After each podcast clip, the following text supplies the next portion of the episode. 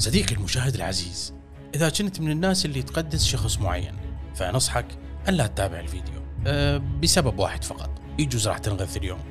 بس إذا تتحمل كمل الفيديو للأخير وتعال للمقدمة.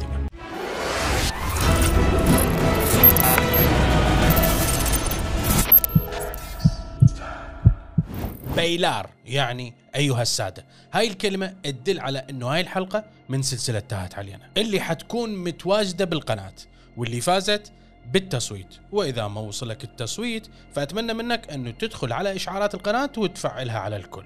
ولا تنسى سلسلة نقطة تفكير باقية وانتظروها بالحلقة الجاية. فيلا بينا. عبادة المشاهير من الأمور اللي صارت تعاني منها البشرية كلها. راح تقول لي كيف يعني؟ أنا راح أقول لك. اجى ال psychologist جيمس هورن وسوى مسحة لأكثر من 600 شخص واكتشف حالة نفسية عندهم اللي هي متلازمة عبادة المشاهير اللي مختصرة CWS. ونتيجة هاي المسحة اللي أخذها عمنا جيمس لقى إنه كل ثلاث أشخاص أمريكيين أو بريطانيين منهم واحد مصاب بهاي المتلازمة لا إحنا شلون؟ ما أنت واحد منهم لا لا اني خسع لا عاد تعلقك بالسيد شنو تسميه؟ وانت يا صديقي المشاهد العزيز تعلقك بفلان ممثل أو فلان مطرب أو فلان YouTubers شنو تسميه؟ شوف أكو فرق بين أنت معجب بفلان ممثل أو فلان YouTuber أو فلان شخصيه وبين أنت مهووس بيه وتمشي ورا كلامه بالملي. وحتى وأن تعرف بيه إنه هو مرات يخطأ بس أنت تدافع عنه. وأنت تعرف إنه هو ما عنده أخلاق بس تقول لا اني كلي فداه وتلقى نفسك تدافع عنه مهما هو تصرف وممكن حتى توجد له أعذار داخل نفسك وتوصل بك المرحلة إلى إنه أنت تتصرف مثله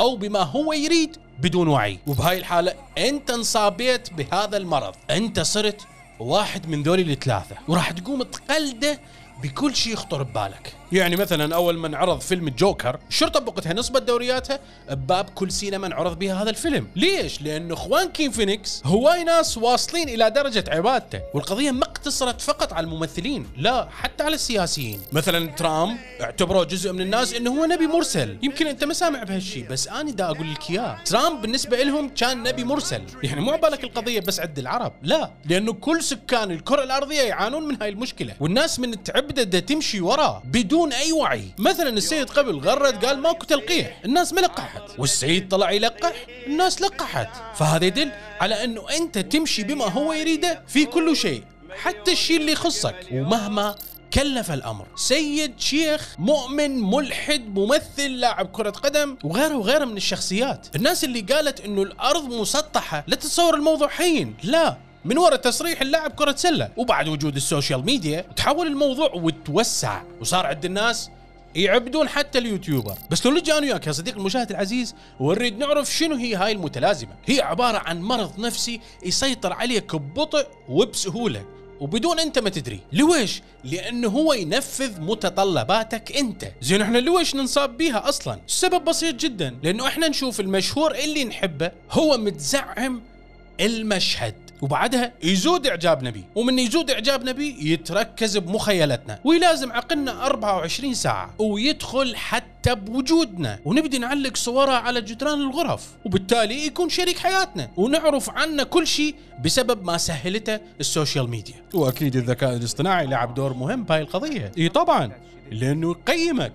ومن قيمك راح يعرض لك المشهور المناسب إلك اللي تلقى بيه كل اللي تريده. انت شخص تحب الافشار يعرض لك واحد يحب الافشار. انت شخص تحب الرسم يعرض لك واحد يحب الرسم. انت شخص تلعب ألعاب gaming يعرض لك واحد يلعب ألعاب gaming إلا أني ما حد يقترحني. أوف. بس لو نجي أنا وياك يا صديقي المشاهد العزيز ونسأل هذا الشخص اللي متيم بحب فلان. فلان مشهور طبعا. لو نسأله نقول له هل المشهور يعرفك؟ راح تلقى جواب صادم. راح يقول لك أكيد يعرفني لأنه أنا أتابعه أول بأول. فيقوم يبدي حتى يوهم عقله. يوهم عقله إنه هو يعرفه من صدق. وراح أدخل لك هسه بنقطة مهمة جدا يا صديقي المشاهد العزيز. اللي بدوا يعانون منها الآباء. إنه لويش أولادهم ما يأخذون بكلامهم. لقيت مقالة بصحيفة ديلي ميل للكاتب جيمس بسنة 2003 يقول تم استبدال احترام أفراد الأسرة بعبادة المشاهير. والدليل أن أبوك اليوم إذا قال لك أي نصيحة معينة أنت ما راح تأخذ بيها. بس لو نفس النصيحة يقولها الشخص اللي أنت تعبده وأنت ما تدري راح تمشي بيها وراح تاخذها على محمل الجد. زين إحنا لويش نحبهم أصلا؟ الإجابة سهلة جدا يا صديقي المشاهد الإكستوكاوي. بسبب إنه إحنا بشر والبشر من طبيعته مخلوق اجتماعي وقد يكون إعجابنا بالمشاهير بسبب ما تغذينا به وسائل الإعلام والذكاء الاصطناعي. التكنولوجيا. مثلا البنية اللي مهتمة بشهد الشمري هي كيف اهتمت بيها وشنو السبب أصلا؟ هذا شغل الذكاء الاصطناعي يا صديق المشاهد الاكستوكاوي واللي راح يخليها تقلدها مهما كان السبب ومهما كانت النتيجة. لويش؟ لأنه أكو رغبة مهمة جدا عندنا إحنا البشر بتقليد ما يفعله الأشخاص اللي بنظرنا هم أصحاب المكانة العالية. فهمت أنت هسه؟ إحنا بمرضنا صعدت مكانتهم. إي المكانة العالية. لعد لويش قلت لك إنه الشخص هو يشوف الشخص الآخر؟ أو اللي يتابعه هو اللي مسيطر على المشهد واللي مسيطر على زمام الأمور. هو اللي يشوفه. لكن الأمر الغريب يا صديقي المشاهد العزيز إنه المشاهير اليوم هم أصلا جزء لا يتجزأ من الثقافة أصلا. راح تقول لي أنت تتناقض. راح أقول لك لا ما تناقض لأنه مشهور عن مشهور يختلف. وعبادة المشاهير ما تقتصر فقط على المراهقين لا. لأنه الكبار اليوم من كانوا مراهقين أيضا كانوا يعبدون أحد المشاهير. والدليل روح قول لابوك إنه فريد الأطرش ما عجبني مثلا. ما راح يركز إنه أنت انعجبت بيه أو لا. لا راح يترك هذا الجانب. وإنه أنت اعطيت رأيك بيه.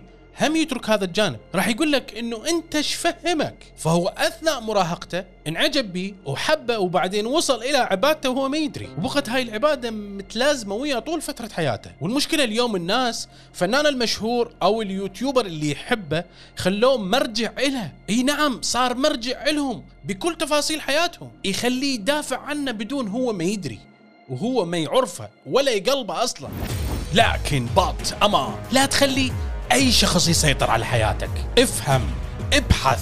حياتك غالية جدا. اليوم اللي يروح منها ما يرجع بعد. لا تعبد فلان بسبب إنه هو يرضي غرورك. ولا تلتفت العلان اللي هو أصلا ما مهتم لك. أنت عنده مجرد رقم وأنت حالك من حاله كن كما أنت تريد ليس كما هو يريد. كن حرا كما خلقك الله لا مقيدا بأفكار شخص آخر. ولا تتوه ولا تتيهها على غيرك. فالحق هو الحق والكلام واضح. لا تكن مسيرا وأنت مخير. كن عبدا لمعبود يستحق العبادة لا لمنبوذ يستحق الإهانة. فكر ثم فكر. وعقلك براسك تعرف خلاصك. تحياتي وأشواقي لكم. أخوكم سيزر الحاتم. وألقاكم في حلقة قادمة.